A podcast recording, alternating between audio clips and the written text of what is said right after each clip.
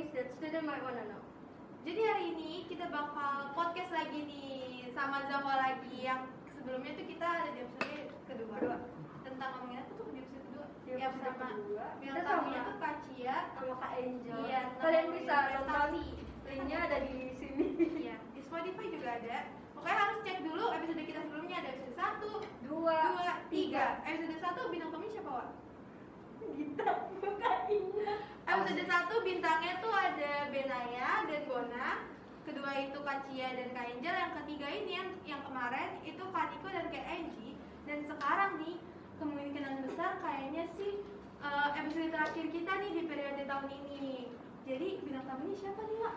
Mau kita panggil langsung nggak sih? Enggak dulu, kita ngomongin dulu topik apa sih yang bakal kita bahas hari ini? Kebetulan kalau kemarin kan kita udah bahas soal kuliah S1, jalur S1. jalur S1. Sekarang kita bakal ngomongin kuliah lagi tapi vokasi edition. Apa sih vokasi edition itu? Vokasi itu apa? Gue bingung, deh, lu bingung nggak? Iya, kita kan masih SMP kita. Ya, jadi kita harus penuh pengetahuan luas. Jadi mendingan kita langsung panggil aja nggak sih bintang tamunya siapa sih Wak? Waduh, mana nih? Aduh, mana ya? Siapa nih? Kayaknya kita panggil aja satu, dua, tiga. Kak Delva dan Kak Maria. Yeay!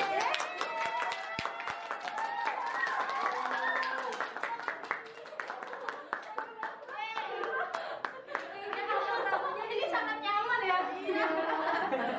Ini kayaknya eh, lima tahun yang lalu udah di sini. Iya, lima tahun ya kebetulan. Ya itu akhir dari podcast kita hari ini. Iya, terima kasih teman-teman. Eh belum. Oh, belum. Makasih ya. Oh iya sebelumnya kayaknya kenalan dulu nih ke the listeners. Kayaknya kakak baru muncul nih di podcast kita. Bener banget. Boleh gak sih kenalan dulu? Kenalan dulu ya. Delva aja ya. Dari aku ya. Iya. Halo guys, nama aku Delva. Eh, mau lihat ya bukan ya? Iya. Satu, dua, tiga. Delva. Dan eh, ini dari dari mana gitu? Oh, aku Delva dari dari Cilengsi ya. Dari Cilengsi baru tadi datang jam. Penting ya. Sarapan makan apa tadi? sarapan. Mau nggak sarapan tadi aku? Tadi konsum dikasih? Itu sarapannya tuh. Dilanjut aja. Siapa Oh ya, halo guys, aku Maria uh, dari Cilengsi juga. Dari kuliahnya juga pak, kan kuliah. Kuliahnya Oh, boleh, boleh. kuliah di UGM. Oke. Delva di mana? Kalau aku di vokasi UI. Ah, aku vokasi UGM. Iya benar banget. Kebetulan eh, kakak-kakak ini yang cantik-cantik ini berasal dari Regina Shelley juga SMP Iya, kita Regina alumni. Betul. Angkatan berapa ya kak kalau boleh tahu? Itu SMP. angkatan kelima. Angkatan kelima. Ya, 2000 berapa ya? 18 kayaknya. 2018. Lulus ya? Iya, lulus. Amin alhamdulillah. Ya, alhamdulillah ya masih ada alumni. Ayo. Waduh, dua. Mau ngomong apa? Ngomong. Kan tadi aku dari tadi lagi bikin itu UGM dibikin sama Bakmi mewah juga nggak sih? Baru bikin. Eh, Itu agak ke sini ya. Jauh-jauh lah Jogja, Pak MGM di Junction. Siapa tahu sepaket gitu. Oh, iya. kuliah, kenapa nggak bisa bikin Indomie kayak Nah iya maka dari itu udah capek bikin kuliah Titit, kenapa jadi ngomongin Bang Ria jadi pengen nih Jadi kita bakal, sebelum kita masuk ke topik nih Kita mau nanya dulu nih kabar-kabar kakak Yang mungkin Kak Delva SMA-nya juga di sini kan Iya benar di sini Jadi, juga. eh, Di sini itu di Regina juga ya Iya. guys. Kak Maria mungkin eh, bukan di sini juga kan ya Iya. Kalau boleh tahu kakak di mana SMA-nya? Di SMA Farid Yogyakarta. Iya di Jogja. Oh jauh banget ya Iya, dia Iya. asrama di sana. Iya serang kayak gitu guys. Dan kita baru dipertemukan oleh kalian di sini. Makasih. Jadi malu. Gimana sih kak di Jogja kehidupannya kayak? Eh, di Jogja lebih hemat. Iya, lima ribu ya. Iya di ada tuh kita makan siang McD gitu nggak ada. Dia tiap hari lebih ke soto, soto, soto, soto soto soto angkringan Dan manis-manis ya? iya manis. Makanya pasti dia agak waduh gitu. Terus apa? Lebih tertib lebih nyaman gitu lah di Jogja. Kalau sini kan terlalu crowded gitu kan kalau sana lebih tenang damai. Dan mungkin udah tiga tahun ya mungkin nggak ketemu atau lebih. apa tuh Baru ketemu Kak Delva dari SMP. Eh, iya iya kalau kan di asrama kan. Nah, Jadi, nah. itu gimana tanggapan eh tanggapan kayak Aduh. reactionnya langsung ketemu Kak Delva di SMP sini lagi gitu. Oh, kaget sih soalnya kan kayak udah kita hanya kalau- misalnya hubungan komunikasi itu Lancar. bisa lewat email aja lewat email iya soalnya pasti nggak boleh pegang HP. HP Iya. Sekali. Enggak, jadi email itu juga di warnet, guys. Iya. Kalian belum pernah ke warnet kan? jadi kan kalau hubungan tuh kayak email kayak berasa lagi kerja gitu Iya, betul sekali. kalau misalnya dia off dia juga bilang eh off dulu ya udah selesai nih on Jamnya, jamnya iya. gitu kadang terus ditemukan gitu kan di sini kan wow Baru di pandemi ini ya, Maria merasakan megang HP. Iya. Makasih loh atas pandemi. ternyata ada sisi positif yang bisa Iya, kita positif ambil dari pandemi. segala sesuatu tuh ada sisi negatif dan sisi positif. Iya, betul. tapi ambilnya positifnya aja jadi negatifnya nah nice Keren, keren. jadi sekarang kita masuk ke- langsung aja masuk ke topik atau oh iya lupa. Delva gimana nih di SMA regular wah dia sama Selamat menceritakan. Mungkin jadi kita ini apa ada kejadian baik biasa kan gue ya? Oh, iya. rencananya tuh eh, tadinya mau keluar kan dari sini. Nah dan ternyata punya rencana yang lain lagi yang Tuhan kasih gitu. Dan di sini lagi guys untuk melanjutkan perjalanan. Jadi apa pun kalian di mana pun itu fokusin aja sih. Aku jadi fokusin di SMA ini jadi untuk lebih berkembang lagi di sini. Jadi kalau misalnya Kak Delva mau jadi ketua yayasan bisa Eh, Lo gak tau kalian abis ini lulus guru legin aja loh. Guru legin ditunggu aja debut Ditunggu Delva. aja Delva. SPD gitu. SPD alumni RC RC. lebih ditulis ke sendiri ya SPD gitu Iya. kan Aduh, Yuk, langsung ya boleh boleh boleh boleh boleh kali kita langsung tanya-tanya nih ya Tanya aja. fitnah atau fakta eh.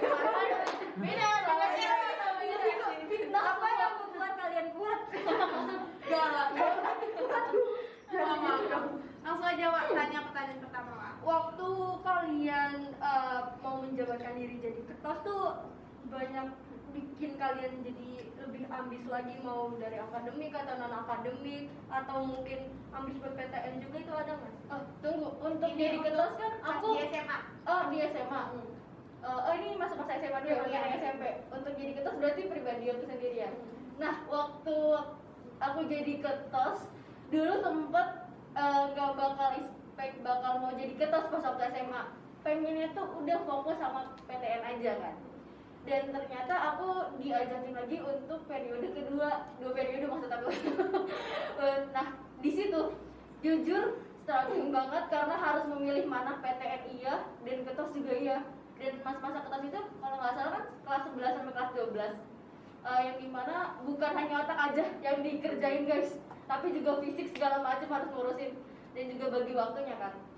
Akhirnya aku memutuskan pilih ketos eh, karena aku yakin itu kalau kita menjadi ketos juga harus punya komitmen kan? Jadi ketika aku punya komitmen yang aku bilang bisa dan aku mau coba untuk bisa membagi waktu dengan baik di situ aku langsung gaskan. Karena kesempatan gak datang dua kali lagi di situ juga aku bisa berbagai eh, bisa dapat berbagai macam pelajaran di mana aku juga ngurusin organisasi dan juga bagi- bisa bagi waktu buat eh, fokus dengan PTN Kalau dari aku, kan aku nggak join organisasi nih saat SMA, tapi kalau kalian gak ikut organisasi juga nggak apa-apa. Itu, tapi kalian harus maksimalin diri kalian di bidang lain, misalnya kepanitiaan sekolah, itu kan banyak juga rekrut bukan osis kan, itu bisa banget kalian kembangin di situ. Terus kalau misalnya ada, eh, misalnya kalian juga jaga relasi sama guru-guru, jadinya kalau misalnya ada event ke mana, event lomba atau apa itu bisa ikut. sama semuanya Iya, walaupun jadi organisasi juga guys Nah, ah, karena itu mungkin juga berguna buat PTN nanti, buat lomba apa organisasi. Iya, itu pengalaman sertifikat. pribadi sih karena pengalaman pribadi juga bukan diambil dari organisasi aja Iya. dari bidang kegiatan yang lainnya juga banyak betul betul. Kayak event kalau lomba nggak menang, kepanitiaan nggak keterima juga kan proses rekrutmennya juga itu jadi pengalaman sendiri kan. Penting punya pengalaman. Iya, pengalaman. mau coba? Udah. Keren. Kalau- itu dulu. Berarti eh, menurut pendapat kalian tuh kalau misalnya ikut organisasi itu penting tapi nggak harus di organisasi aja kan? Maksudnya bisa Iya, eh, masih bisa ada aspek lain yang bisa dikembangin. menurut aku seseorang yang ikut mau eh, ikut ke dalam organisasi itu dia harus punya komitmen yang besar sih. Bukan hanya karena dia pengen dikenal namanya ah karena gue ikut organisasi pengen dikenal deh sama yang lainnya adik kelas dan kakak tingkat juga se- sebagainya gitu kan sampai dikenal guru-guru gitu. Banyak yang bertujuan seperti itu tapi kalau menurut gue sendiri eh, bagi mereka yang pengen ikut organisasi adalah mereka yang punya komitmen dan kemampuan kemampuan gitu. Kemampuannya di situ adalah mereka mau inisiatif terus bekerja sama. Eh, tapi percuma nggak sih kalau misalnya mereka mau eh, ikut organisasi cuman bisa menang sendiri idenya juga mau dipakai egois sendiri itu kan sangat amat wah nggak mendukung banget. Jadi walaupun kalian mau masuk organisasi tapi kalau kalian punya sikap yang seperti itu menurut gue itu nggak bakal bisa buat lo berkembang. Jadi lebih baik eh, ketika kalian mau ikut organisasi atau enggak itu adalah your decision guys yang keputu- eh, keputusan kalian. Mau ikut atau enggak yang penting adalah kasih eh, seluruh diri kalian untuk bisa ikut serta untuk bisa ngerjain job desk kalian masing-masing itu dengan baik sih. Ketika kita ngejalanin job desk kita itu baik dan seutuhnya ya apa yang kita punya kita kerjakan. Dengan baik dan teman-teman juga ngerasain bahwa kita berkontribusi itu bukan hanya malas-malasan bukan hanya cuma numpang nama doang tapi kita juga kerja. Malah justru enak dikenal sama teman-teman yang lainnya gitu. Keren, keren. Mungkin Kak Komari ada tambahan untuk eh, bagian SMA? Eh, apa ya?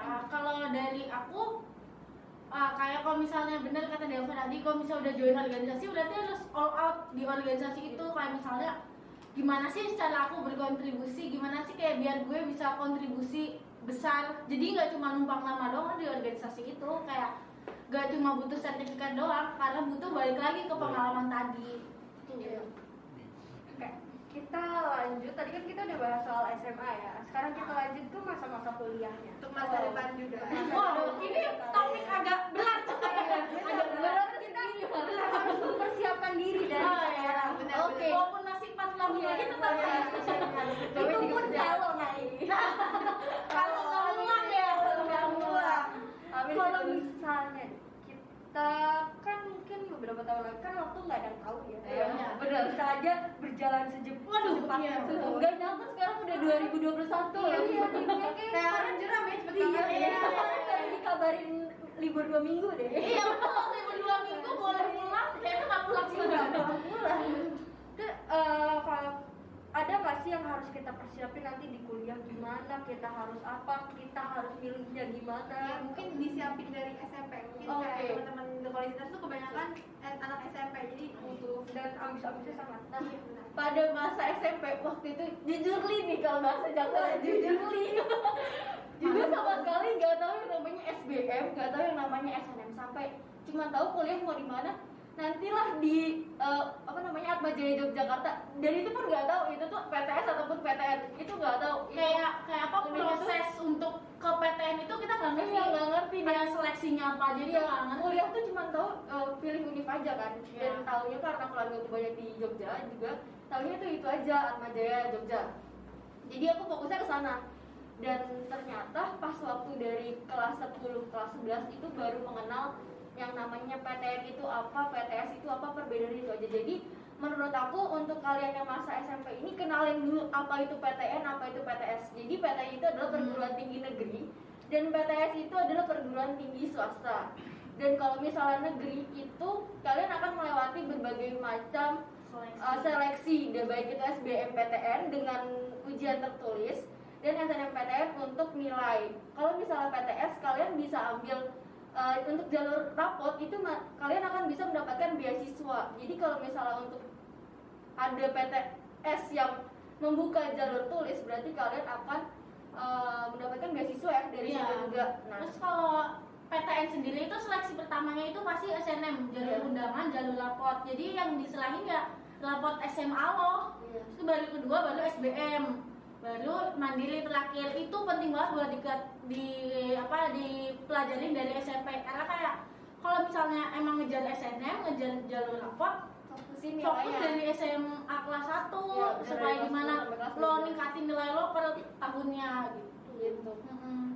Kalau dari PTS sendiri gimana dari awal tuh biasanya dia buka Memang sudah buka gelombang ya, Oh, oh, jadi lebih ke murah gitu, masuknya juga lebih Iya. murah. Tapi sebenarnya untuk PTN dan nggak ada yang salah guys, maunya mau kalian mau PTS ataupun PTN itu nggak ada yang salah.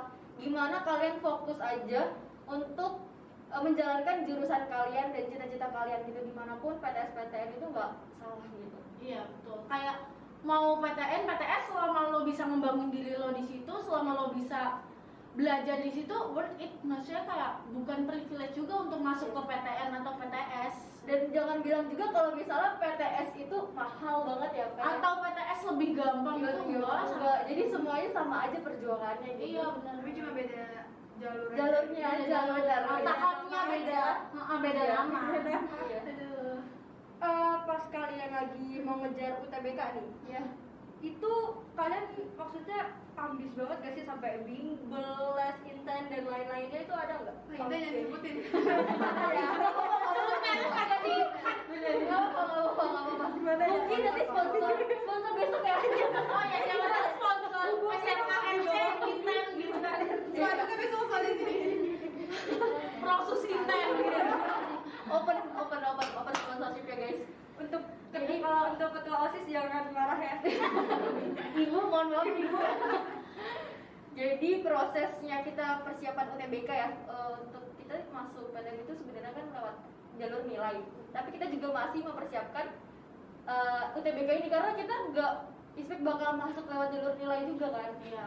Nah, proses persiapannya itu benar-benar depres kalau dibilang. Sebenarnya kayak bukan prosesnya itu bukan cuma kayak proses belajar doang, Iya. kayak proses mental juga nggak proses sih? mental Iya. gimana tiba-tiba gue nggak nyangka kalau tiba-tiba tuh besok udah UTBK ternyata Iya. dan masa-masa SMA udah gini aja dan asalkan kalian tahu SMA kita tuh cuma satu setengah tahun selebihnya satu setengah tahunnya di rumah Oh, iya. sama iya. jadi kayak nggak ngerasa apa apa tiba-tiba tuh udah Lulus, lulus disuruh daftar LTMPT gitu. nah iya jadi kaget juga kan makin stres juga ya makin Iya. stres juga apalagi di rumah dan nggak punya teman buat curhat kan Hmm. dan orang tua juga nggak mungkin maksudnya permasalahan hidup dan segala macam juga diceritain cukup meminta keputusan dan restunya aja Dan lebih enak juga kalau belajar tuh secara langsung. iya benar Iya, betul betul betul. Ah, betul, betul. nah mau dari pertanyaan dari kalian kan itu persiapan dengan bimbel atau enggak Eh, itu adalah masing-masing diri kalian sendiri nyaman dan tidaknya kalau aku dan Maria itu kita adalah nggak bimbel. Kita nggak kita mandiri semandiri itu. Misalnya kalau belajar ya belajar, maksudnya kayak uh, biasanya itu kita ada grup belajar sendiri. Pasti kalian tuh juga ada grup belajar buat teman-teman yang nggak bimbel. Iya, jadi- Ataupun kalau yang bimbel ikut, mereka yang bisa sharing kita, bisa sharing ke kita ke, ke- ke Iya, kita sorry yang penting kayak yang penting ada media untuk belajarnya entah itu HP, laptop, buku, soal-soal gitu. Jadi kayak eh, bimbel ya your choice pilihan lo mau ambil bimbel oke, nggak ambil bimbel juga oke. Mungkin ada pertimbangannya sendiri kan kenapa nggak ambil bimbel gitu. Iya, jadi itu juga niat sih. Yang pertama diawali dengan niat kalau misalnya eh, lu adalah orang yang pengennya tuh dapat ilmu, nyerap ilmu itu kalau diajarin orang, gak apa-apa guys kalau misal kalian ikut bimbel itu tuh gak wajib itu adalah pilihan kalian ya. Tapi kalau misal lo adalah orang yang lebih pengen ngulik sendiri, pengen nanya permasalahan ini terus eh, lebih pengen belajar sendiri, itu juga gak apa-apa karena seseorang kan punya kenyamanan. Misalnya eh, gue gini, kalian harus pilih jam nyaman belajar kalian. Misalnya ada yang jam nyaman belajar jam 7 udah belajar. Kalau gue tuh aneh banget sih. Lebih ke belajar itu dari jam 3 subuh sampai jam 5 subuh. Selanjutnya dilanjutin dengan nonton TV kalau nggak tidur lagi terus jam 7 bangun lagi gitu. Karena jam 3 sampai jam 5 subuh tuh menurut gue itu adalah rasa nyaman gue belajar. Jam Tenang. 7 iya tenang banget. Dan jam 7 malamnya itu mungkin kayak nonton YouTube aja ngeliat tips and trick terus nonton-nonton pembahasan soal jadi sekedar nonton aja belum belajar fokusnya. Belajar fokusnya tuh jam 3 sampai jam 5 subuh. Tapi jangan ikutin ya maksudnya eh, pilihlah jam belajar yang menurut menurut kalian tuh nyaman gitu. Itu pertama. Niat dan minta restu orang tua kalau misalnya kalian juga mau fokus UTBK jadi supaya bukan hanya diri lo aja yang nyemangatin tapi orang tua juga bisa nyemangatin Iya. gitu Berarti harus ada zona nyamannya tersendiri ya untuk Iya kayak saat itu. tentuin zona nyamannya dulu lah nyamannya gimana gitu. Karena kan misalnya bimbel tapi ternyata nggak nyaman kan sayang Iya, uangnya kan? karena aku pressure untuk eh, datang tiap hari ataupun Hmm, bagaimana. Bener. tapi kalau untuk kalian memilih untuk bimbel itu nggak salah banget itu malah bagus. benar ngebantu karena iya. ngebantu juga terus ada dapat tips and trick langsung dari mentornya punya mentor sendiri. Tapi kan kalau kita eh, itu karena belajar sendiri jadi kita bimbelnya itu juga bimbel secara online. Iya, kan betul, banyak itu ada Zenius. Zenius, Famify, terus Edukar, Ruang Iya, Guru itu betul. banyak banget yang aku pakai dan baru mungkin bisa Iya, brand yang kita sudah sebutkan langsung kontak di bawah ini Iya, jadi memang ada pribadi eh, siswa yang bisa bimbel ataupun pribadi siswa yang bisa belajar Iya. sendiri gitu. berarti gak terlalu wajib kan kalau Iya, jadi bimbel itu? lihatin nyamanin kalian dulu. Pilihan kalian. Atau kan biasanya tuh eh, lagi masa-masa PTN gini ya, kalian tuh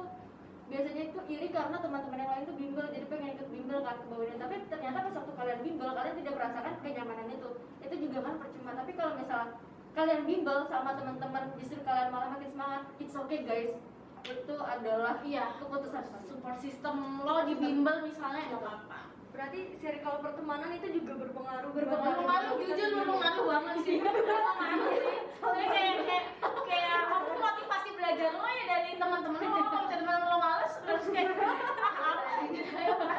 Ini kalian curhat boleh ya Iya, betul. banyak sih kalau curhatin Itu kalau gue kan eh, SNM jalur undangan kan, jadi nggak melewati UTBK. nah Nah itu lu bisa rasakan karena kita iya cerita Oh, karena karena bukan teman-teman hanya ngerasain cerita soal aja ya ketika eh, kita punya kesulitan soal tapi juga cerita tentang kesulitan hidup kesulitan iya betul betul. gimana kita strugglingnya yang harus kita lewati gitu jadi sama-sama cerita sama-sama saling tahu walaupun dia juga Hmm. Jadi eh, pada intinya tuh kita harus eh, semuanya tuh sharing jadi kan Betul, bisa betul. sharing Iya, sama lain dan dan jangan jangan apa sih jangan ikutin teman-teman pengen ke sini apa itu. Pokoknya dari hati aja Iya, benar. itu nggak bakal ngilangin pertemanan lu kok beneran Iya. kalau ketika eh, lu melewati jalan yang yang beda dari teman-teman lo itu nggak apa nggak mengusik pertemanan segitunya. Karena kan mungkin temen lo yang bakal support lo kalau misalnya lo beda jalan bahkan kecuali teman-temannya nyebelin ya waduh itu baru dipertanyakan waduh waduh waduh oke kita lanjut pertanyaan Iya. selanjutnya ya perbedaan S1 dengan vokasi itu apa sih kak kalau boleh tahu Oke, karena kita bukan S1 ya, jadi jadi tadi udah dijelasin dia sama Iya, ya, iya. mungkin kalian boleh jelasin sedikit vokasi itu apa sih vokasi karena banyak yang nggak tahu S1 juga. Hani S1 eh Inji. oh iya, Inji aja ini- vokasi. Ini vokasi kalau di Ah, yang satu. satu. Iya. Nah, untuk vokasi itu sendiri, aku ngejelasin kalian. eh, mungkin banyak yang lebih tahu tuh sarjana, sarjana, sarjana. iya vokasi Dan mungkin kayak ternyata- baru dengar belakangan Iya. ini atau baru dengar sekarang hari ini. kan Baru hari ini. makanya iya, apa vokasi Ternyata kuliah itu juga ada program vokasi yang di mana vokasi itu perbedaannya juga dari gelar, dari pendidikan, dari Cara cara ajar. ngajarnya Hmm. juga, dan untuk jalur menempuh vokasi itu adalah sama aja sih sebenarnya. Iya. Bisa melewati jalur tes ujian SBMPTN maupun SNMPTN. Dan tidak semua universitas itu juga ada vokasinya. Iya Gitu. betul betul betul. Terus juga per universitas itu beda jalur vokasi ya. Kayak misalnya vokasi UGM itu kan bisa lewat SNM, SBM, mandiri. Kalau vokasi univ lain tuh kadang ada yang cuma mandiri. aja. Jadi SNM, SBM dia harus milih S1. Iya. Nah, oh, oh nih S1 gelarnya kan S1. Ya. Kalau S1 itu kan sarjana ya. Ah, sarjana. Berarti S misalnya Skom, SH sarjana Ah. hukum, sarjana ilmu komputer, sarjana komunikasi seperti Iya. itu.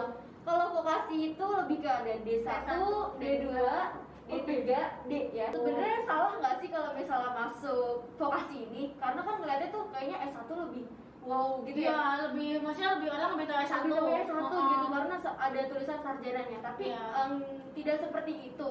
Uh, ternyata Kalau- kalau misalnya kita masuk vokasi ini itu juga bisa menempuh pendidikan yang sama karena di vokasi ini kita lebih mengedepankan prospek kerja jadi Sama banyak praktek, prakteknya lebih banyak praktek Ah, kalau jadi- misalnya sarjana itu lebih banyak teori Jadi kita benar-benar dipersiapkan Bisa. langsung untuk kerja. Iya, kerja. langsung Iya. lapangan gitu Iya. Iya, makanya nanti output, maksudnya kayak kalau misalnya kita lulus, sertifikat kita nggak cuma dapat gelar, kita dapat sertifikat atas keahlian kita, misalnya kayak Iya. apa, apa misalnya apa teknik apa gitu-gitu atau manage manager gitu-gitu, itu udah ada sertifikatnya. Difasilitasi langsung sama ya program vokasinya tadi. berarti agak mirip tipis-tipis sama SMK Eh, kalau Iya. bedanya SMK sama SMA iya sama sama Ah, bedanya SMA SMK gitu. sama. Dan kalau untuk vokasi itu sendiri eh, kita nggak bisa langsung ambil S2 perbedaannya juga di situ. Kalau S1 bisa langsung ambil S2 tapi kalau misalnya vokasi kita harus ngelewatin S1 dulu kalau gitu ya kalau kalau di, di Kalau enggak kalau di empat bisa langsung mungkin ya kalau diploma 1 2 3 Iya. terus S1 dulu. S1 Kalau dulu aku kalau di D4 empat kan langsung jadinya ya benar-benar bisa langsung ya. itu setara lulusnya setara S1. S1. Jadi kita bisa langsung ambil S2 di mana aja. Mau aku ambil di UGM lagi juga bisa. iya Nah, jadi ya udah kalau misalnya lulus D4 vokasi ya benar-benar sama, aja kayak sih S1. kayak S1 Iya. tapi lebih kalau S1 teori eh, kalau vokasi Praktek. prakteknya Iya. Kalau D1, D2, D3 atau D4 itu kita bisa milih nggak sih? Misalnya D1 oh, kita mau milih D4 langsung atau D3 langsung atau kita berurutan dari D1 dulu baru ke D4.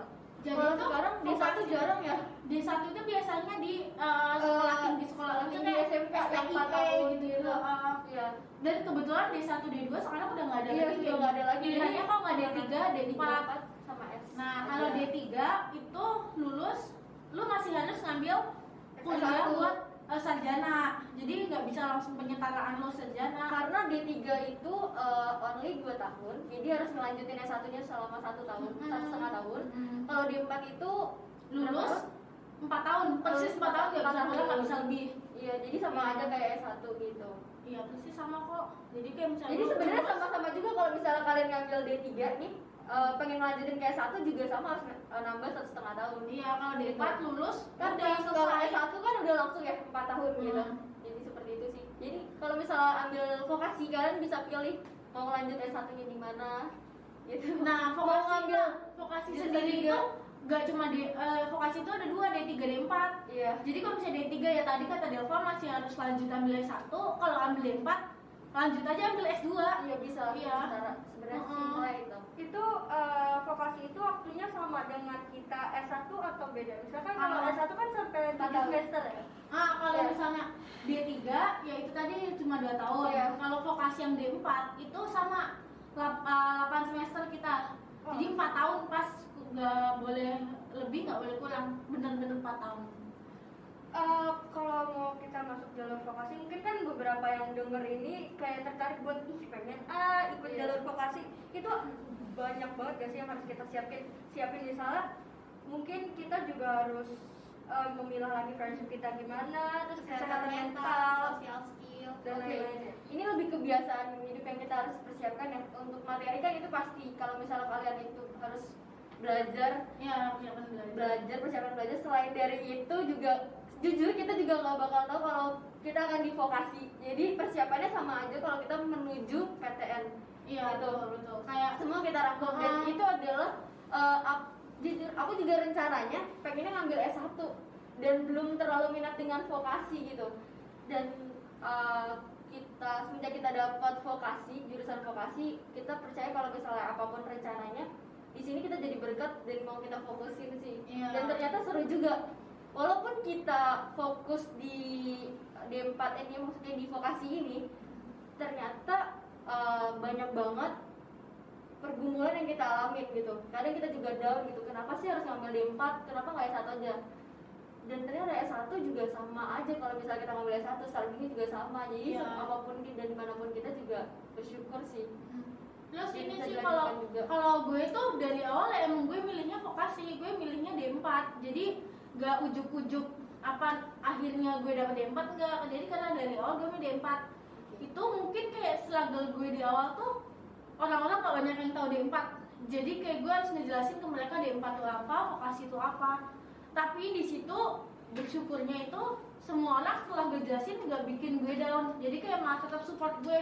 Bahkan kayak guru-guru sekolah juga kayak malah nawarin ke yang lain juga kayak kalian gak ada yang ngambil empat juga kayak Maria jadi kayak eh, di situ sih kayak misalnya lu, eh, lu kalau misalnya milih PTN ini harus cari support system juga. Jadi kayak yang benar-benar support lo apa pun keputusan lo. Jadi gak bikin mental lo dan kayak ih kenapa sih lo kok milihnya di itu? D4 ya karena Oh, eh, pergumulan di SMA itu hanya tahu sebatas sarjana aja gitu. Iya. Tapi lebih dari itu sebenarnya kita juga sama aja menyelesaikan sekolah juga 4 tahun 4 tahun. Yang D3 bisa lanjut S1 satu tahun lagi yang D4 bisa langsung S2 juga gitu jadi semuanya sama aja dan gimana kitanya bisa berjuang gitu Mhm. jadi semangat. Iya, kayak lu tetap kayak gak boleh nyerah sih, benar-benar harus optimis kalau milih apa pun. Kayak misalnya milih jurusan, milih PTN, ya percaya aja kok misalnya nanti lu end up di universitas yang baik yang bakal bikin lo berkembang mungkin kan banyak yang bilang nih dari banyak orang katanya tuh SMA itu kan eh, masa-masa yang indah dan Iya, terlupakan. yang keras kan maksudnya indah. Iya. Terus eh, eh, katanya ada yang bilang nih kalau misalnya SMA tuh harus harus pinter harus cantik harus populer harus famous harus ada harus ada banyak kayak gimana sih? pengalaman gitu ya? Iya. Dia sih mah supaya nggak habis gitu pengalamannya. Itu bener nggak? Kayak gitu. Ah, kalau itu tergantung jujur itu tergantung sekolah lo tergantung sama pertemanan lo dan juga pribadi kita. Nah, dan di pribadi SMA itu sama pendirian kita sih. Nah, iya yang harus kita tingkatkan adalah koneksi sih lebih tepatnya. Karena kan setelah SMA itu kita langsung akan berpisah ya dan gak tahu semuanya ke mana ada yang melanjutkan kerja ada yang melanjutkan kuliah. Jadi masa-masa SMA ini menurutku bukan masa ajang-ajang pamer atau merebut harta gitu ya. Merebut kuasaan kuasaan kuasaan gitu ketenaran gitu. Tapi di SMA ini adalah merupakan masa-masa lo har- harus rebut solidaritas. Jadi kayak lo harus bisa easy going with everyone harus kenalan Hmm. sama siapa aja dan gak bisa ngebatasin diri gitu. Iya bener banget. Karena selagi itu kita bisa dapatin koneksi yang oh Luas. dulu nih temen SMA gue nih kayak gini loh orangnya. Iya. Dan ternyata itu yang bisa ngebangun diri kita buat lebih berkembang lagi gitu sama teman-teman. Untuk masalah tenar kecantikan dan segala macem pasti itu nilai plus itu nilai plus kalian Iya. sih sebenarnya juga dan mau nakal nggak nakal juga malah dari nakal itu kan ada pengalaman tapi tolong Iya. uh, tidak melebihi ada maksudnya kayak lu udah SMA lu tahu batasan Iya, gitu tahu lah. batasan, Kalau misalnya mau itu nakal sih. juga tahu segimana terus lu tahu resikonya dan seperti itu sih ngomongin soal pertemanan kan pasti kan kalau SMA tuh ya Sa? pertemanan. pertemanan Oh, aja iya. ya. Kalau misalnya SMA kan pasti daya saingnya makin kuat dan itu bikin Iya. orang-orang itu pasti bakal pemilih banget dalam pertemanan kan. Gimana sih cara kalian buat, buat nambah koneksi biar kalian nggak kayak ke sini doang, ke sini doang, diem di satu orang circle itu doang.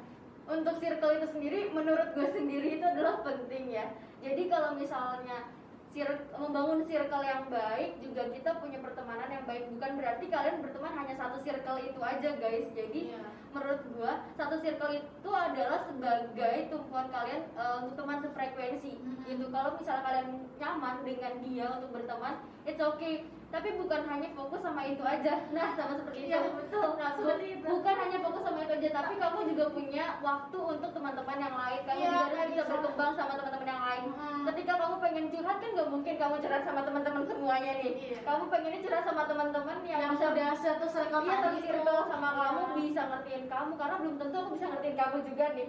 Nah, sama eh, sama kayak gitu. Jadi kita sebenarnya berteman dengan sama si- siapa aja, boleh masuk Iya. circle mana aja, tapi juga kita harus punya circle sendiri sih karena itu frekuensi kita gitu. Dan di mana Ah. kita bisa berkembang lewat itu juga. Baik yang diambil, buruk yang ditinggalkan.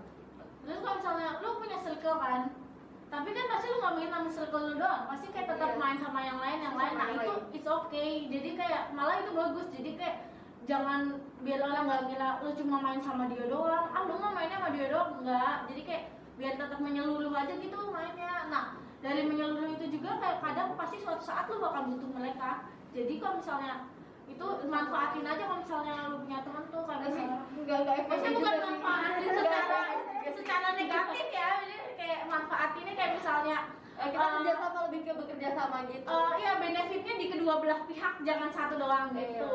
Dan dapat feedback satu sama Ya, lain. iya kalau misalnya cuma satu doang yang untung ya itu nggak baik. Itu pasti itu merugikan dia itu. Kalau misalnya eh, kita kan pasti eh, kalau misal kita pengen ambis sama nilai, Iya. sama sekolah, sama kuliah nanti kan pasti kita punya pressure gitu kan. Apalagi ngeliat orang lain yang kadang, wih dia udah 24 per jadi tujuh begini. belajar terus Iya. kerja di hidupnya. Contohnya yang ada di situ. itu mungkin bisa dinasehatin juga kalau misalnya 24/7 belajar itu mungkin bisa diarahkan supaya nggak itu stres. pressure berat Iya. gitu denger ya bang Rafael Iya gitu. Takutnya dia tiba-tiba dia 24/7 belajar stres, nggak ada yang tahu, bahaya itu. Nanti tiba-tiba stres. Malah menghancurkan mental sendiri Iya betul betul betul. jujur pada masa itu juga kita merasakan hal depresi. Sebenarnya kalau nggak ke sekolah juga kita tahu pada saat itu kita depresi ya. Sebenarnya malam juga overthinking. Terus kayak nangis dong kerjaannya karena lagi belajar nih. Nggak bisa gitu ya. Aduh mau kuliah di mana gitu juga kepikiran kalau belajar kalian kan punya tujuan ya kuliah di misalnya UGM jurusan akuntansi tapi nggak tahu udah punya tujuan tapi masih nangis karena kita itu belum tentu bagi Iya. kita Tapi kita hanya bisa berjuang kan akan ada saatnya lo di SMA dan belajar pas persiapan TBK lo belajarnya 20% Iya, tadi pasti. Dan pasti uh, ketika kalian menghadapi itu mental kalian harus eh, siapkan dan juga fisik jadi bukan hanya Iya. merasa otak kesehatan, kesehatan. itu harus Itu harus penting banget. Dan tiba-tiba kalau bisa dilihat dari berat badan 60 tiba-tiba jadi 30 kayak gitu itu ada. Itu itu terjadi Iya. lah. Nah, itu buat persiapan. dari itu lupa Iya, makan. iya, itu gitu. lupa makan lupa olahraga. Jadi lupa hidup. Lupa gitu. Dan ketika kita menghadapi itu menurut aku perlu banget yang namanya healing sih. Perlu healing Eh, bukan sebatas kalian tiap hari habis belajar healing gitu habis belajar mall habis apa belajar belajar itu dua soal healing kan Ikut tapi aku mau dulu gitu ada soal itu lebih dua soal self dua soal itu lebih ke mager dan eh, malas sih. Itu juga nggak baik. Eh, maksud aku ketika kalian bekerja keras un- eh, untuk mencapai sesuatu kalian juga perlu istirahat jadi perlu menenangkan diri kalian untuk bisa semangat lagi untuk bisa berkembang lagi gitu. Jadi nggak harus 24 per 7 sih. Iya, tapi kayak harus bisa membagi waktu Ah. dengan baik. Tapi kalau misalnya lo mau belajar 24 uh, 24 per 7 juga nggak apa-apa. Nah. Mungkin ada emang yang tipe orangnya kayak gitu. Iya. jadi kayak butuh untuk refresh materi butuh buat apa ngulang materi. Jadi makanya dia belajar 24 per 7 tapi uh, harus ada saatnya juga lo istirahat. dan, Hmm. dan jangan terlalu di pressure banget. Iya, enjoy life. juga enjoy. Senangi prosesnya nanti akan ada pelangi pada akhirnya. Dan untuk manajemen waktu kan kayak kita cuma tahu manajemen waktu yang baik itu gimana ya? Manajemen waktu yang baik bagi diri kita adalah menentukan skala prioritas. Jadi eh, lakukan dulu tugas kalian tugas sekolah dulu PTN-nya itu baru di nomor dua. Jadi fokus dulu dengan nilai kalian. Dan juga setelah kalian kerjakan tugas-tugasnya baru lanjut fokus dengan PTN jadi banyak orang yang dua-duanya tuh dikerjain. Dia nugas iya. Eh, PTN juga iya jadi nggak fokus kan. Jadi menurut aku kalian harus bentuk skala prioritas ketika kalian juga organisasi kan. Jadi fokus dulu dengan sekolahnya organisasinya terlebih dahulu lalu lanjut ke PTN jadi kalian harus buat to do list ya seperti itu. tugas Nah, mana? Nah, tapi jujur sih kayak misalnya kalau misalnya lu ambisinya dari kelas 1 itu nggak apa-apa, tapi ya lu harus punya masa SMA juga. Iya. Jadi kayak jangan cuma fokus ke PTN dari kelas 10. Kayak apa ya? Lu tuh harus menghidupi masa SMA lu juga gitu loh. Apa kayak harus punya momen-momen pas SMA, jangan cuma belajar dulu karena gue mau PTN, karena gue mau top 3 PTN. Jadi kayak jangan yang bener-bener jangan ya? melupakan masa-masa SMA juga deh tapi Ah. bisa bagi waktu dengan baik kayak teman dan juga buku teman kita Nah, masa Gitu. SMA itu keulang sekali doang dan masa kuliah itu jauh beda sama Iya. SMA. justru malah teman kuliah adalah teman SMA kita kalau Kalau kalau bisa kayak gitu malah bagus. Kayak misalnya siapa tahu ya sama teman SMA lu malah kayak sejurusan seuniversitas. Gitu. jauh-jauh Iya. dia lagi ketemu gitu Iya, Iya, ayo lagi. Tapi Koneksi gue gini-gini aja kelihatannya. tapi itu malah bikin semangat juga ya Iya betul. Iya ada temen Nah. ada teman jadi untuk berkembang bareng Iya. itu sih Tapi yang, yang paling penting jangan lupain masa SMA. Menurut kalian eh, lebih susah mana jalur vokasi apa jalur, jalur sarjana? Tapi kalau misalnya kita setelah lulus pun pengen kerja, pengen langsung kerja gitu, itu mendingan kita masuk vokasi atau kita masuk sarjana? Untuk sih. ke kesulitannya Sama sama, jalurnya karena juga harus melewati SBM dan juga SNM fokusnya juga sama gitu sama apa yang dia, aku bilang juga gak nyangka aku juga bakal masuk vokasi karena aku juga fokusnya S1 kan. Dan untuk persiapannya itu juga sama yang pertama niat terus ke orang tua terus juga kerja keras dari kita terus juga kita serahkan sama kepada Tuhan minta doa dan juga kerja keras yang harus kita lakukan Karena persaingan tuh real, maksudnya Real. nyata adanya. Ada Dan yang lu nyulik ngerasa kalau misalnya gue yang lebih pintar gitu Iya, kan. gue paling nggak aku kelas gitu kak ini pintar semua lebih dari atas rata-rata gitu loh pintarnya kayak lu nilai tinggi terus tetap nyoba masuk vokasi nggak lulus itu ada maksudnya Iya. kayak lu udah nyoba vokasi terus dengan nilai tinggi lo dan SMA latar belakang SMA lo yang bagus tapi nggak masuk itu tetap ada. Jadi dan benar-benar persaingan tuh nggak ada yang tahu terus kayak rezeki ya nggak ada yang tahu. Rezeki. Dan itu Ah. juga kita harus uh, atur strategi sih karena untuk masuk PTN itu bukan hanya pinter aja tapi juga strategi juga. Mm-mm. dan belum tentu yang ranking satu ber, berturut tiga tahun itu bisa masuk gitu kan. Iya betul. Ah, karena rencananya juga berbeda gitu. Hmm. jadi belum tentu semuanya kita atur strategi baik itu kita harus lihat kemampuan diri kita itu sampai mana dan gimana jangan misalnya kalian eh, down di biologi terus kalian paksa untuk jadi dokter. Dan itu membuat kalian gak nyaman juga dalam belajar. Menurut aku jangan seperti itu. Yang pertama kan eh, kalian juga harus mengenali diri kalian kemampuan kalian batas terus tujuannya. Iya.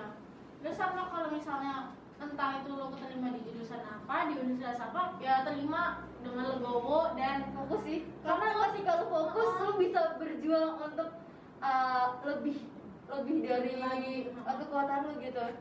Ternyata gue bisa di jalur ini gak nyangka. Terus kayak misalnya lu gak nyaman sama jurusan lo, kalau misalnya lo masih bisa mengusahakan dan masih bisa belajar, ya nggak apa-apa di jurusan lo jangan kayak aduh gue itu nggak bisa ah ya udah gue pindah jurusan aja. Itu banyak Banyak banget banyak ya. banget yang tiba-tiba ganti jurusan Ah. karena merasakan ketidaknyamanan itu. Nah, padahal di jurusan yang dia pilih nantinya bisa aku juga juga juga nyaman lagi. iya menurut aku semua jurusan itu perlu perjuangan sih Ah, apa pun yang betul. kalian dapatkan dan ketika kalau tadi pilihannya mau kerja itu lebih baik S1 atau vokasi Sama sama betul Sama, sama, sama. karena nanti ketika lulus juga kita persaingan di dunia kerja di dunia Sama. industri Ah. ataupun pendidikan yang lainnya itu cukup lumayan Sama. bukan hanya nilai yang dilihat prestasi akademik yang dilihat tapi juga kemampuan kita gitu. pengalaman pengalaman Pengalaman. juga dilihat ya. belum tentu ya uh, mereka yang punya nilai baik itu uh, memiliki kepribadian yang sangat baik juga dari attitude segala macam tapi sebaliknya juga jadi sama-sama harus balance balance sih menurut aku iya betul Berarti eh, jangan merasa kalau misalnya udah dapet misalnya dapet kita nilainya tuh udah masuk sama rata-rata jangan merasa oh ini udah pas nih buat masuk buat masuk sini dan, dan Oh. terus stop belajar gitu Iya. ya kayak gitu ya. jangan apa itu ya namanya terus kayak latihan. harus berkembang benar jangan gampang puas juga kalau misalnya nilainya udah tinggi nih waduh pasti gue bisa masuk kedokteran UI nih. Dan Ya, ternyata itu masih ada yang ada sih itu di atas rata-rata semua bukan Iya, hanya kita aja. jadi kayak realistis juga sih kadang realistis perlu sih di situ. Perlu sih. dunia itu berjalan. Iya. berputar. Dan nggak berputar di kita doang itu berputar satu Indonesia kalau kata dokter Strange tuh kayak gini Iya. Nah, kita kan udah bahas vokasi, kita juga udah bahas Seru banget ya. SMA dan lain-lainnya. Ini agak agak pusing pusing juga tapi semangat untuk kalian Nah, banyak ini info baru kan kalian untuk masa-masa SMP, Jujur. SMP itu lebih eh, mengenal dulu apa itu PTS dan PTN. Nah, baru masuk SMA, kalian kenali dulu kalian itu lebih suka biologi, fisika atau kimia. Karena IPA I- itu misalnya jalur IPA yang maaf taruh ke jalur IPA. Jadi fokusin dulu ketiganya, fokusin dulu yang lain. Ah, belum tentu juga yang di jalur IPA menyukai ketiga hal ini. Nah, bisa aja kalian mau ingin masuk hukum, terus satu pun ilmu komunikasi yang lain sebagainya. Jadi pada saat SMA baru kalian merasakan dan carilah kenyamanan diri kalian inginnya di mana bukan karena sekedar ikut-ikutan teman pengen jadi dokter dan ikut dokter juga gitu. Karena di SMA lu bakal bener-bener belajar membuat keputusan. Bahkan dari kelas 10 juga diajak membuat keputusan kan kayak mau pilih IPA, IPS IPA terus gitu. jadi kayak udah bener-bener lo masuk SMA tuh lo sudah tahu diri lo. Gak cuma sekedar kayak ya ampun nama gue siapa? Jenis kelamin gue apa? Enggak oh Jadi kita tuh beda ya, dia IPS aku Nah, IPA iya, jadi IPS. gitu. Dan ya seru sih IPS sangat menantang menggelora. Menggelora dan belajar IPS. Banyak orang yang mengira tuh jalur IPS tuh down gitu kan. Dan Ah. semuanya tuh sama. Dan kita Sama, juga memiliki tingkat ya kesulitan pilih juga yang sama. IPS tuh bukan karena bukan kayak karena eh, yang lebih tenar yang mana? Betul. karena lu lebih bisa IPA ya lu pilih IPA lu lebih bisa lebih bisa IPS ya milih IPS. Bukan karena kayak nah kalau IPA tuh lebih banyak apa eh, lebih bisa ke mana-mana eh, atau anak ambis itu karena kan jalur IPA tuh bisa ngambil jalur eh, jalur apa aja ya linjur kalau dibilang anak IPA bisa ngambil jalur anak IPS tapi anak IPS belum tentu. Nah Iya. itu sih keunggulannya tapi bukan dibanggakan dari hal itunya tapi gimana cara kita? Iya, terus memilih bisa kalau misalnya linjur juga bukan berarti anak IPS di bawah lu. Jadi Iya. kayak anak IPS siapa tahu lebih pintar jadi lu nggak bisa bisa linjur bisa juga gitu. Tuh jangan nyerah kalau bisa Jangan. jangan menyerah. Jangan menyerah. Jangan udah lulus mau nikah. Iya oh, bukan banget. Tolong orang sedepresi Independen, guys. sedepresi depresinya hidup. Jangan gitu deh. jangan. Jangan. Tolong deh kalau semua nikah. Jangan. Sebenarnya itu lebih berat lagi dari pilihan iya sih. Berat. mencari nafkah lebih berat mencari nafkah dan lain sebagainya lebih berat. Mending pilih PTN lagi sih. Iya. Gap lagi nggak apa-apa. nggak apa-apa. Nah tadi kan kita udah bahas vokasi dan lain-lainnya soal SMA juga, eh soal SMA kalian gimana juga. Nah kita mau balik-balik lagi nih, kilas balik ke masa-masa kalian SMA gimana? Kan kalau Kak Deva SMA di sini Iya. Kalau Kak Maria kan mungkin di asrama mungkin lebih banyak. Eh, iya di asrama Jogja. Iya. Iya. Ya, kan lebih banyak ceritanya. Terus kan kita juga nggak tahu kan kehidupan di asrama gimana, di Iya. kakak kak ini kak itu. oh ya kalian belum pernah asrama kan coba deh tanya-tanya asrama Apa mau dari aspek apa dulu nih? Kebetulan, kebetulan aku tuh pengen masuk asrama kayak pengen masukin, tapi Oh, aku di mana tuh? gak tahu pokoknya asrama yang mengandung agama gitu. Oke, oke. Oh. Tapi tuh masih nggak ada hati buat di situ. Jadi Oke. mungkin kakak punya saran atau emang gimana tuh di asrama tuh kayak gimana? tiba-tiba masuk asrama tuh gimana Pak? kayak kayak dari aku tuh milih asrama tuh karena SMA-nya SMA-nya bagus jadi kayak ya udah aku masuk asrama situ jadi kayak eh, terus itu juga sama aku juga seagama gitu jadi kayak asrama yang emang seagama terus mungkin dari awal juga sama juga kayak misalnya orang-orang kayak dipertanyakan kenapa sih masuk asrama asrama nggak enak gitu gitu tapi kalau misalnya nanti nyobain sendiri enak jujur.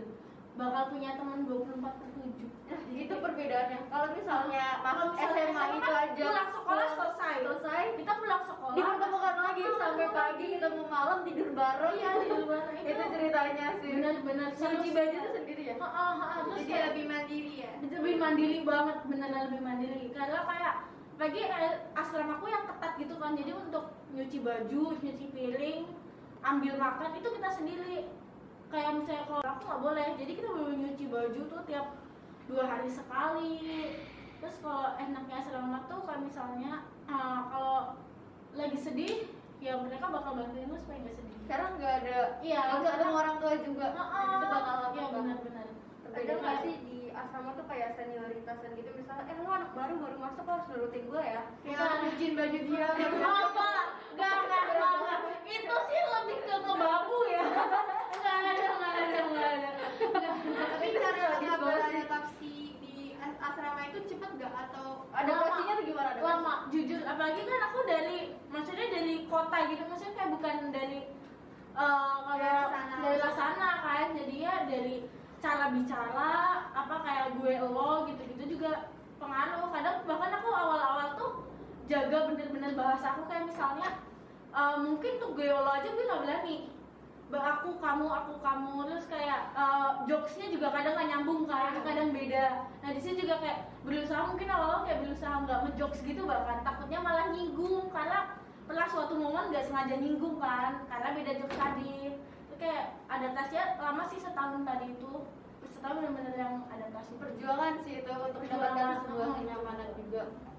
Tapi bener asrama ngelatih mandiri jadi kalau misalnya nanti keluar nggak bakal kaget. Masih kayak oh di Kehidupan asrama tuh gue udah nyuci sendiri. Jadi kayak misalnya ngekos nanti ya udah nyuci sendiri. Terus kayak apa uh, ngebantu teman terus kayak belajar kelas nolong teman gitu bener-bener seru sih asrama nggak bakal dapet experience eh, apa pengalaman asrama itu nggak bakal dapetin di tempat lain. Kayak bahkan asrama sebebas apa be, maksudnya asrama yang bebas pun tetap bakal ada experience sendiri. Jadi ya coba deh jujur coba aja coba, Coba deh. dan pasti bisa ayo pasti bisa tapi yang yang memilih SMA aja eh, tolong juga mandiri ya guys Ya. bukan hanya kalian Betul. dekat dengan orang tua tapi juga belajarlah diri kalian untuk menjadi seseorang mandiri baik itu mengurusi pribadi kita dan juga di dalam keluarga oh iya asrama juga itu benar-benar nuntut lu untuk respect dan sopan sama orang jadi kayak eh, antara kakak ya lama tapi sopan jadi kayak kakak kakak angkat sendiri ya Ah, rasanya gitu benar-benar. punya adik adik Ah, angkat ada adik juga. angkat kakak angkat jadi punya keluarga sendiri loh di dalam asrama itu Berarti selama kakak, misalnya kakak udah kelas 12 nih di sana. Hmm. Kakak itu tetap harus harus tetap sopan kan sama adik kelasnya. Oh, oh, oh, jadi bukan kayak kita ayo kita tunduk gitu. semua pada gue nggak gitu harus sama terus kayak kalau di situ tuh panggilnya mas mbak kan jadi bener-bener Jawa. Heeh, bener. Nggak kakak gitu. Jadi kerasa banget kalau misalnya deket.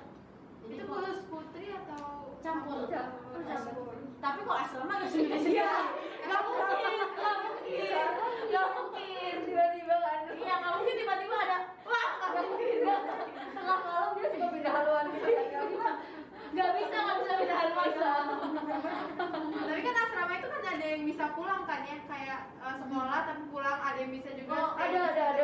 Ada beberapa asrama. Ah, asrama ada beberapa sekolah yang Bisa pulang pergi. ada pilihan jadi mau entah mau asrama atau mau kos gitu ada tapi kalau asra, eh, sekolahku wajib asrama terus pulangnya juga enam bulan sekali gitu jadi baru enam bulan sekali baru ketemu orang tua Tapi nggak bisa telepon orang tua gitu. Kalau tahun pertama komunikasi nah, bisa bisa telepon. Itu dapat jatah kan misalnya sebulan sekali. Itu juga harus di depan kayak uh, penjaga asrama gitu loh teleponnya. Jadi nggak bisa nelpon. Misalnya ujuk-ujuk nelpon itu nggak bisa. Harus ada jadwalnya ada Ya, dia juga nggak bisa kabur gitu. Kita sebagai teman support dia lo harus bisa asrama lo harus bisa kayak dia juga kan kalau misalnya masuk email. Email tuh dia dia dia masukin email hari senin baru baru gue jawab tuh hari kamis. Karena Iya. akan ngerjain karena kayak karena kayak siapa sih yang pakai email untuk chatting di Jakarta? Gitu. Nggak ada nggak sih? Siapa yang ngewarnet untuk ngobrol tuh Iya, ada. jadi kayak harus standby juga di email. Email tuh berasa WA pada waktu Iya, oh, pada jadi waktu kayak itu. nyaman banget gitu.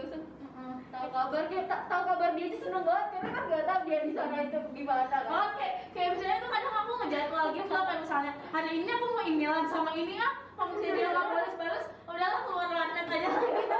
Cara keluar warnetnya emang boleh kak?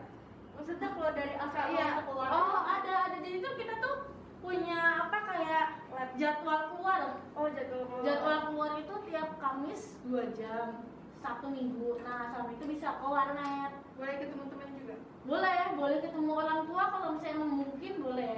Yang misalnya Pokoknya asrama itu nggak setakutkan itu kok guys. Oh, oh, nggak semenakutkan itu, tapi se juga se experience itu maksudnya kayak full of experience lah. disiplin lebih disiplin. Iya disiplin. Berarti kakak pas awal masuk asrama kayak kaget gitu ya? Eh, kok tiba-tiba Waduh, kaget banget. gitu? Maksudnya kayak, waduh udah kaget itu terus beban SMA aku pelajaran tugas panitian gitu itu berat jadi ya kayak pusing terus kadang mungkin banyak juga teman-teman yang kayak eh, cepet drop gitu loh karena bebannya tinggi Aku juga sebagai teman juga kaget dia masuk ke asrama kan. nggak pernah bilang kan nggak Gak kan kita dari seketika kita besok gue asrama ya dan diti- ditinggal gitu. Hah serius lu?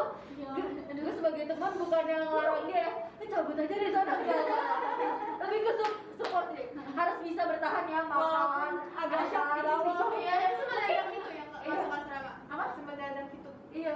enggak sih dia juga persiapan tapi aku emang nggak banyak bilang ke berarti orang-orang heeh. jadi kayak ya takutnya ada apa ekspektasi ekspektasi aneh gitu jadi ya udah belakangan aja bilangnya kalau Mbak Delva gimana waktu SMA di sini mungkin ada banyak hal-hal banyak Aku belajar banget dari experience paling wah dari iya. karena SMP di sini SMA juga di sini juga awal tuh ngerasa kan bosen kenapa sih harus di sini lagi? Gitu kan. Kenapa? Dan ternyata setelah masuk di sini juga bukan merasa kebosanan tapi merasa banyak pelajaran yang dan hal yang untuk berkembang tuh dapet sih. Ternyata eh, ketika kita ngambil sebuah pilihan juga itu terbaik gitu Eh, semua pilihan yang kita ambil karena kamu aku juga semuanya perjuangannya sama kan?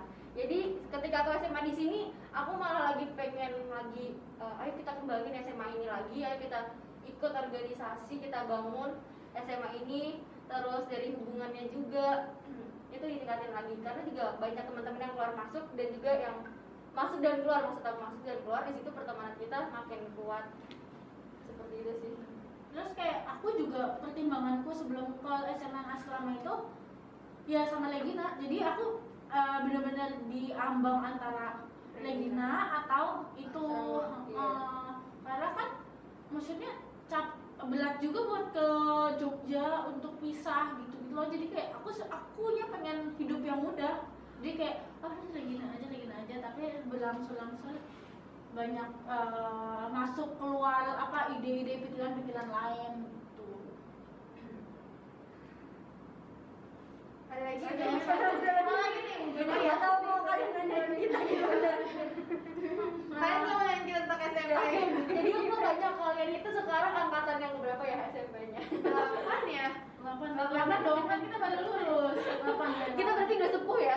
iya. ya Iya betul, kita Lima. sih. delapan berarti Kita apa Iya. Semangat untuk menjalankan Eh, berapa tahun enam bulan enam bulan lagi kan Iya.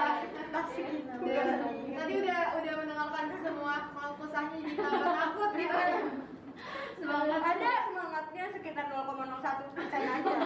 untuk menjalani hidup untuk menjalani hidup Itu baru untuk menjalani hidup bukan ke depannya gimana. jadi yang pelajaran yang bisa dari Kak Maria sama Kak Delva tadi tuh banyak banget ya jadi gue tuh baru tahu kalau uh, jadi tuh ada S1 sama vokasi jadi tuh makin makin pengen jadi bingung pengen S1 tuh vokasi gitu Bahkan kan ada PTS, ada Iya. PTM, ada tata Iya, tata lainnya. nah iya Mungkin ada apa tuh Kak Maria ada sedikit motivasi Motivasi buat penonton-penonton di rumah. Di awal aku diawali lagi dengan Maria cuma motivasi. oh iya kalau dari aku you will never know until you try it jadi Oke. kayak lu harus benar-benar coba aja semuanya kalau misalnya ada peluang apa ya coba aja kalau misalnya ada uh, celah lo untuk maju untuk bergerak berkembang coba aja karena nggak tahu itu entah itu berlahilangan buluk atau baik ya setidaknya lu punya pengalaman di situ Oke, thank you Kak Maria motivasi sekali. Oke, Iya, motivasi dari sekali. dari dari Twitter mana Kak? kita kan udah dari ini sih kita les Jadi jangan lupa ke webnya ya. ya. Kalau dari aku sendiri itu push yourself to be great. Jadi eh, ayo kita keluar dari your comfort zone. Kita harus cari dunia ini tuh lebih luas dari tempat kamu. Kita harus banyak cari koneksi juga dan jangan pernah merasakan bahwa kalian itu di bawah pressure tapi tolong jadikan perjuangan kalian itu rasa semangat untuk menjalani hidup ini jadi ayo kembangin diri kalian sendiri. Benar sih kata Mari juga. Sama tujuannya juga kembangin diri Iya. kita. Ikutin alurnya semangat. Semangat. Jangan gampang nyerah Iya, jangan gampang. mulai jangan gampang. Puas. Coba kakak dong say hi ke the call listeners kita sebutnya tuh the call listeners the, the call listeners The call listeners. oh the call listeners one two three. Apa hello guys. What's up lebih kayak what's up? What's up? What's up, what's up, Oke. what's up. satu dua tiga. What's up the call Delva and Hai Maria. Ya. Nah. semangat semangat. IG-nya at IG-nya Iya, apa iya. Dan siapa tahu yang mau follow? Atau enggak aku open banget sama teman-teman yang mau nanya tentang PTS ataupun PTN S1 ataupun Vokasi. atau kehidupan uh, asrama juga boleh banget.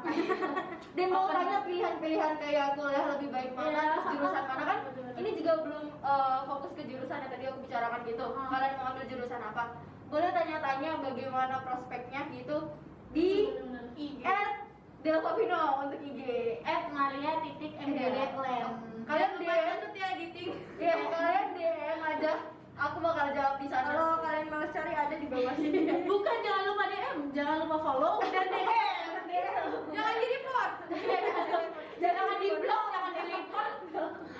Jangan di follow terus kalian follow. Gitu Iya, lebih hanya dijawab di unfollow kasih karena dia. lama jawabnya karena anak asrama jadi di blok aja. Udah asrama udah udah udah asrama. Alhamdulillah udah kuliah sekarang nggak asrama lagi mau tanya-tanya apa pun sih tentang PTS, PTN organisasi dan segalanya mari. Ke mereka. tadi kan kakak udah kuliah udah sempat ke ini nggak TKP ya maksudnya TKP udah udah udah udah kayak ini ya karena kalau aku. Karena di Iya, Depok ada ini apa ya? Di Depok sini aku eh, nggak diperbolehkan untuk kos eh, bukan karena nggak boleh mandiri. gitu ya tapi tetap semua menjalani kehidupan mandiri. Aku harus bolak balik sih Jakarta eh Jakarta sorry Cilengsi Depok Cilengsi Depok bolak balik sekitar satu Jakarta. satu setengah jam buat soalnya. Iya perbatasan banget satu setengah jam buat ke kampus dan saat ini beberapa dosen ada yang minta offline ada yang minta online juga tergantung dosen ya belum ditetapkan untuk offline terus gitu Kalau aku sendiri aku udah ke Jogja kemarin. Ah, berapa? Sebulan sebulan kemarin November itu aku di Jogja. Sama Desember ini aku baru pulang seminggu lalu. Terus itu karena ada Nah itu juga sama ada mata kuliah yang minta untuk offline, terus ada uas offline, ada project-project sama ada apa organisasi juga makanya uh, offline ke Jogja. Kayak seru banget Jogja. Ngekos.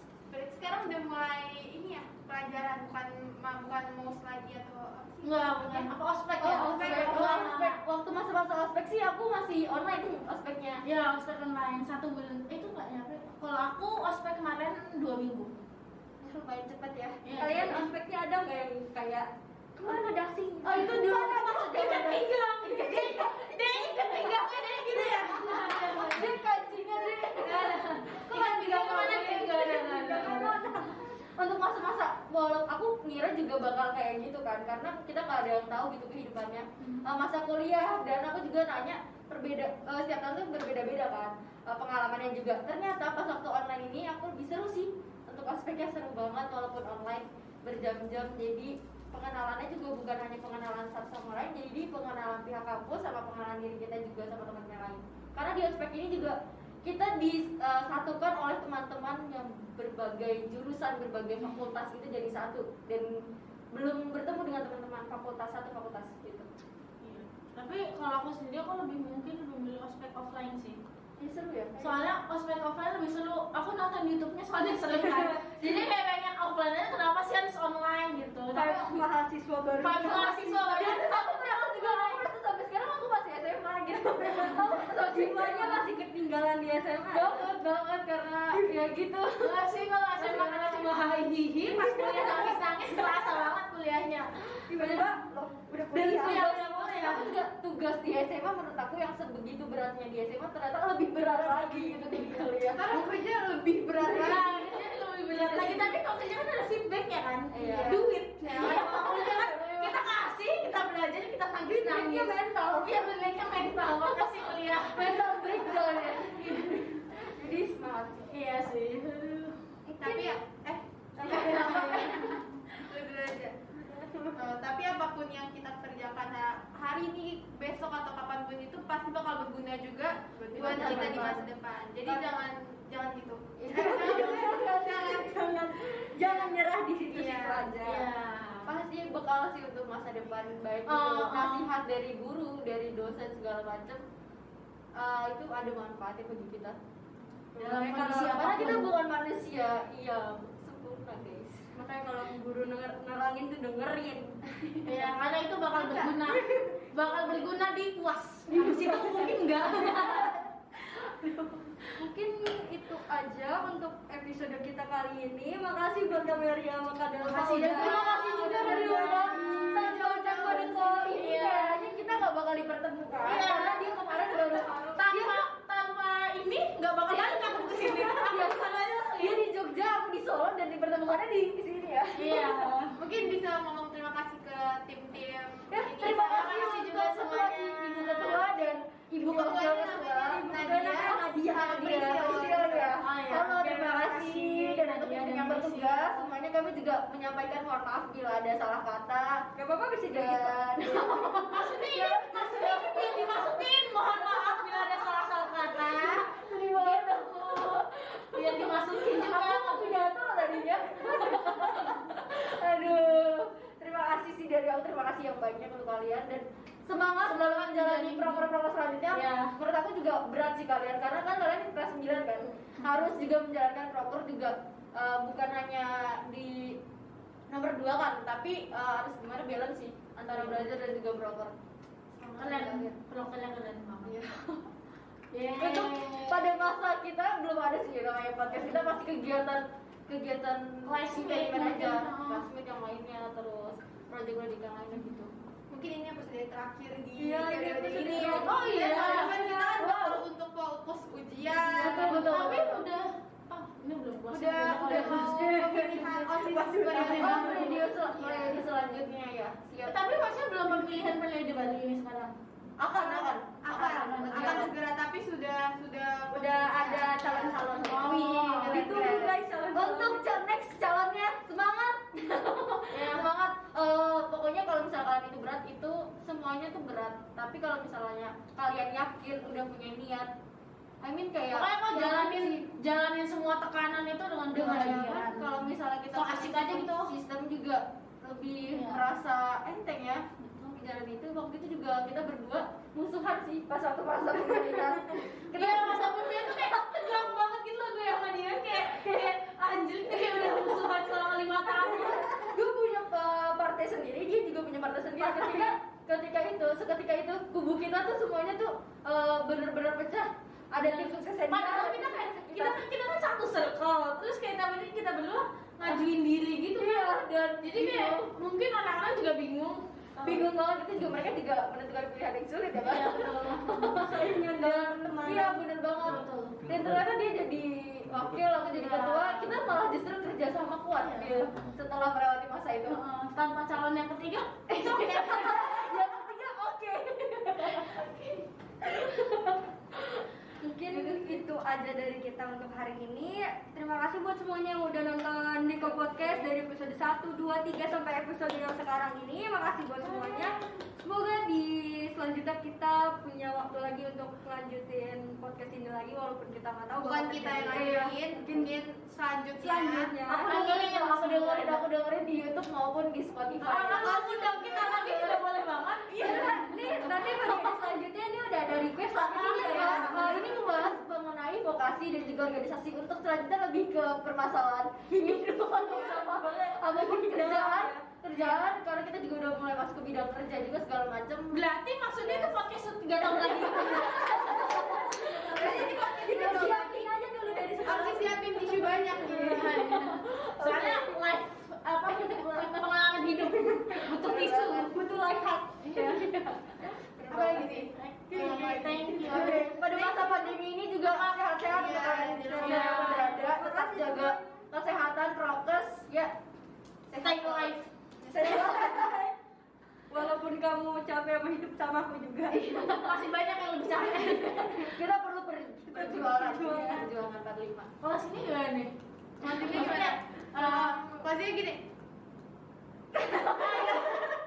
Oke, makasih ada listeners. Jangan lupa like, Eh, jangan lupa ya di share ke teman-teman kalian. Di subscribe sekalian. Ya dan jangan lupa masukin SG juga. Tag tag juga nih kita kita oh, tadi udah dikasih. tag osis SMP Regina ya, ya. Iya. oke. Makasih semuanya. Terima kasih. Terima kasih.